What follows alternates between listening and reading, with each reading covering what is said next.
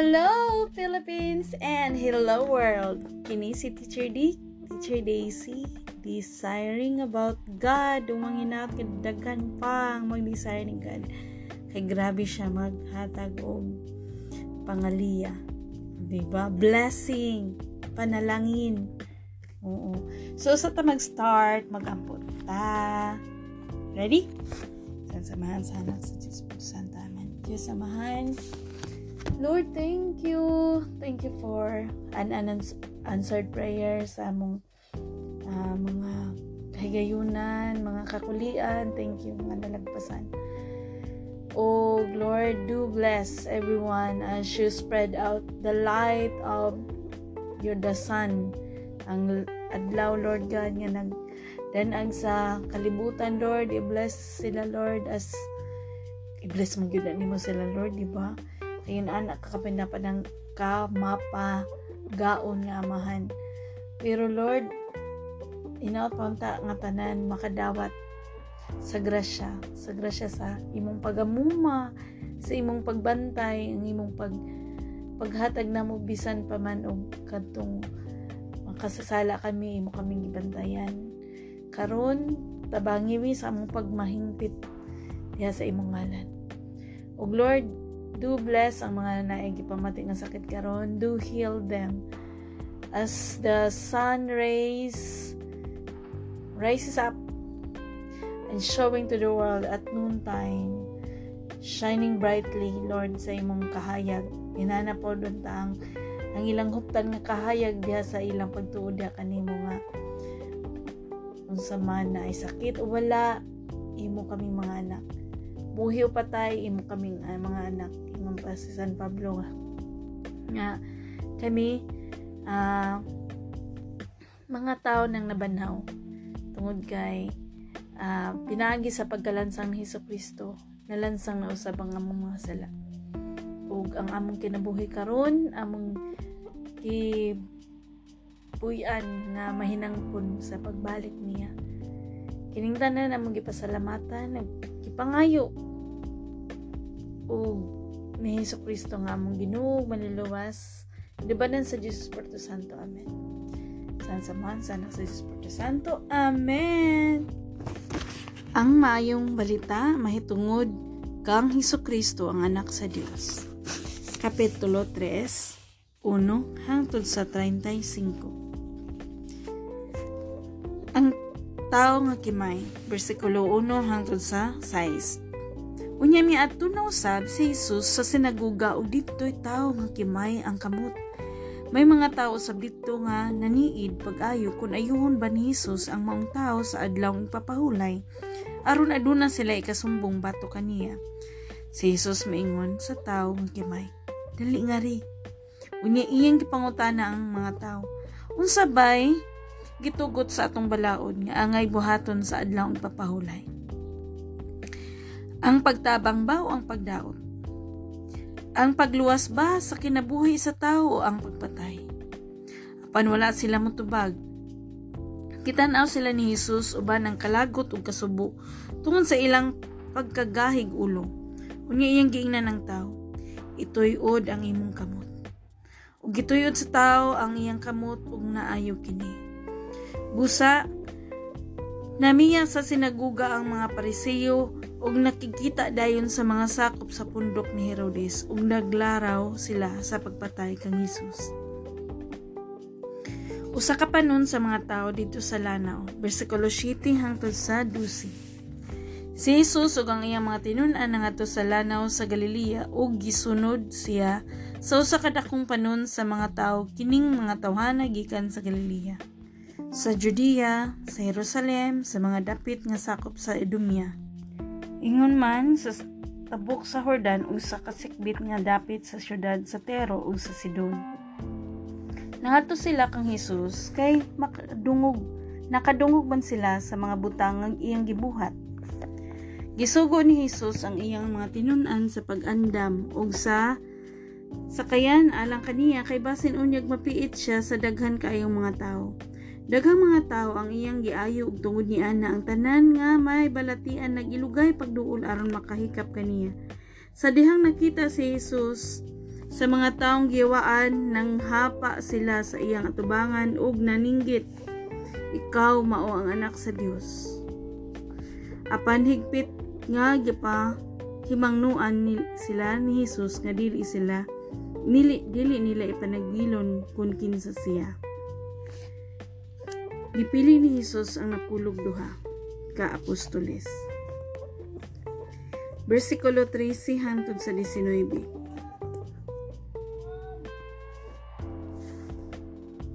Unya mitunga si Jesus sa buong tulog niya ang mga tao nga buot niyang pilion.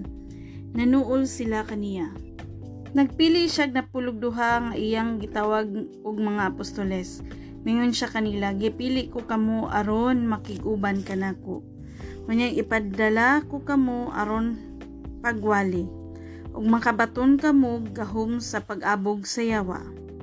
Mao kini sila ang napulog duha nga gipili ni Jesus si Simon nga ginganlan ni Pedro, ang mga anak ni Zebedeo, si Santiago ug si Juan, nga ginganlan niya Boanerges, sa ato pa mga anak sa Dalugdog, si Andres, si Felipe, si Bartolome, si Bart Mateo, si Tomas, si Santiago nga anak ni Alfeo, si Tadio, si Simon nga kananiyo ug si Judas Iscariote nga nagbudhi kaniya si Jesus ug si Beelzebul.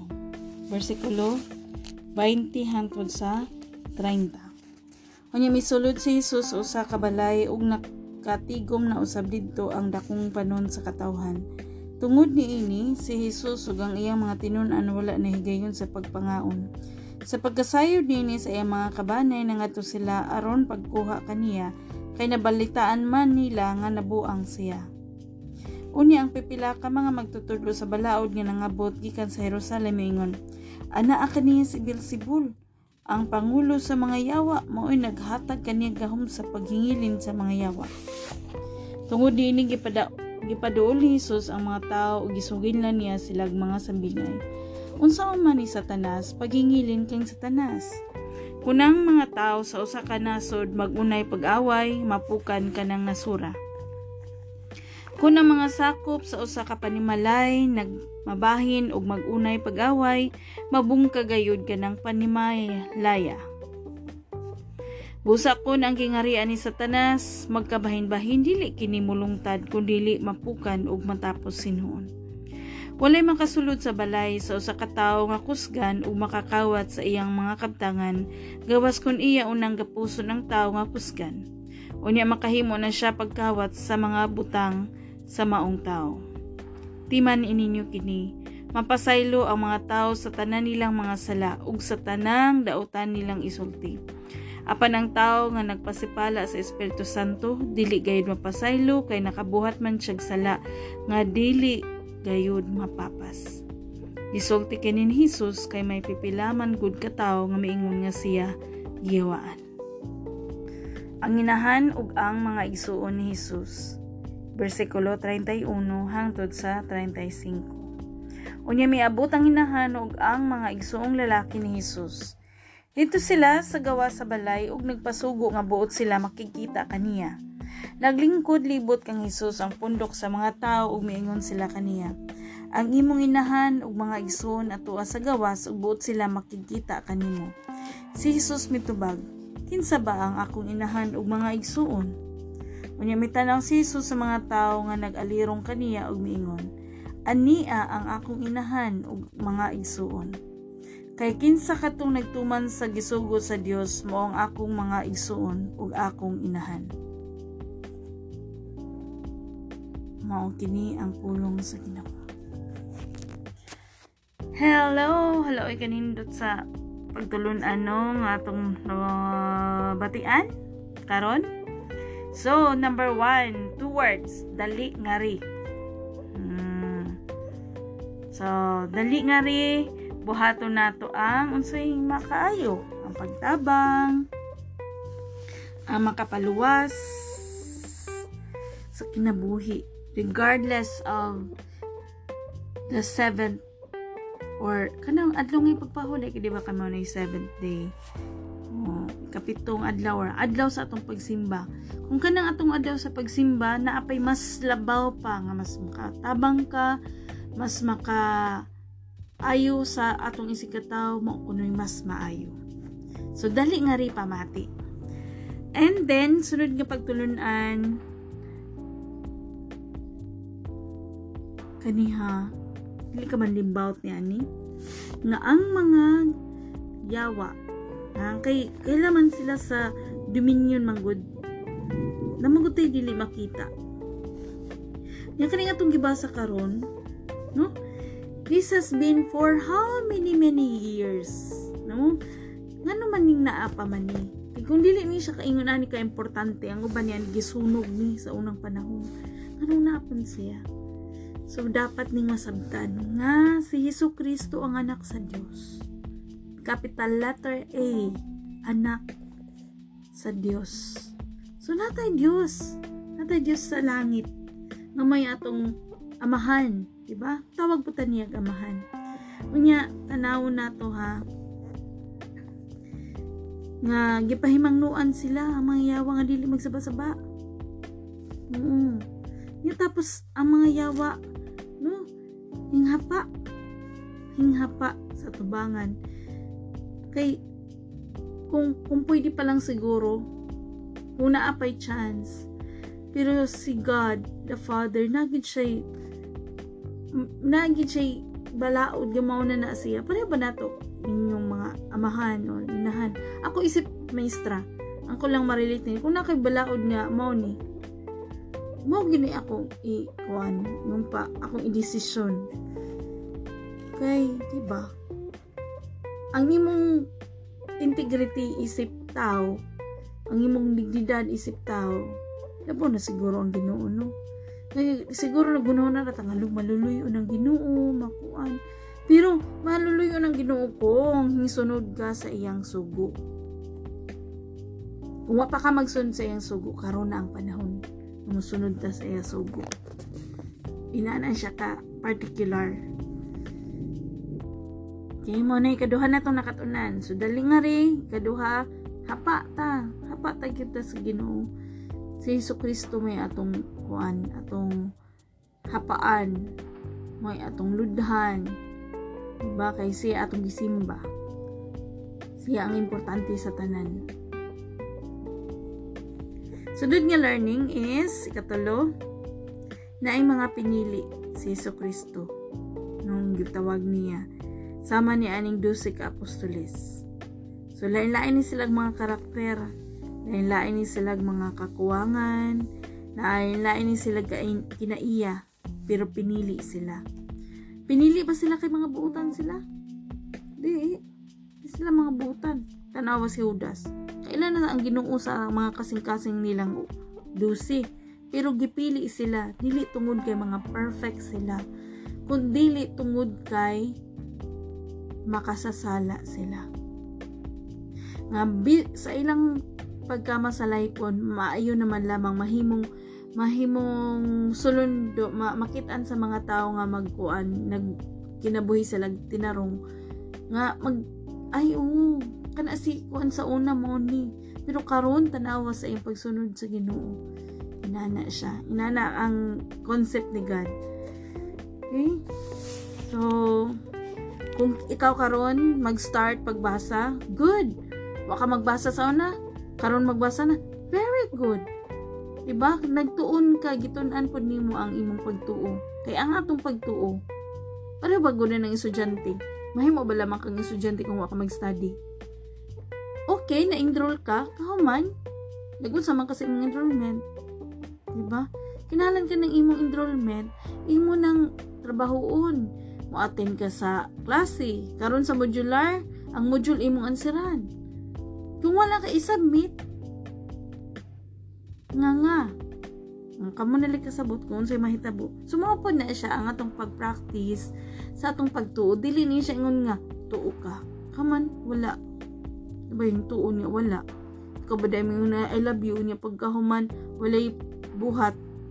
Laban ko, lab, laban ka na ko. I love you. Tapos, magbuhat og mali. Yan na, dahil ng gugma. Ambot lang ka ha. Ikaw daw. Ikaw daw, ingnon nga I love you, tapos wala integridad, wala buhat. No? Sumusalig pa ka. Pinagi sa ngalan ni Hesus Kristo salig hapon. Kay ang Ginoo ray nakasabot nganong hingabot ana.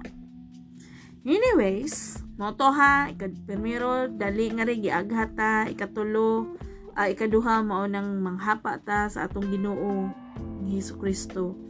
Ikatulo mao nang naay mga pinili. Ito sa ikapat. May dapat atong timanan ha. Kay si Jesus Christ giingon man nga regarded si Jesus Christ ani nga text nga siya pangulo sa mga yawa. In other words, si Hesus Kristo satanas. Asa man kaniya na in taon Ginoo ko. So kani siya na ay reminder si Jesus Christ diri. Sa 20 uh, 28 to 29 timan ini ninyo kini mapasaylo ang mga tao sa tanan nilang mga sala ug sa tanang daotan nilang isulti. Apan ang tao nga nagpasipala sa Espiritu Santo dili gayud mapasaylo kay nakabuhat man sila sala nga dili gayud mapapas. So amo na lang ha just a good reminder na to tanan Nya nga sa 30 gisulti kini ni Jesus kay may pipilaman gud ka tawo nga miingon nga siya giyawaan. So kinahanglan careful ta sa atong mga iistorya ilabi na sa atong Ginoo. Oo, careful ta.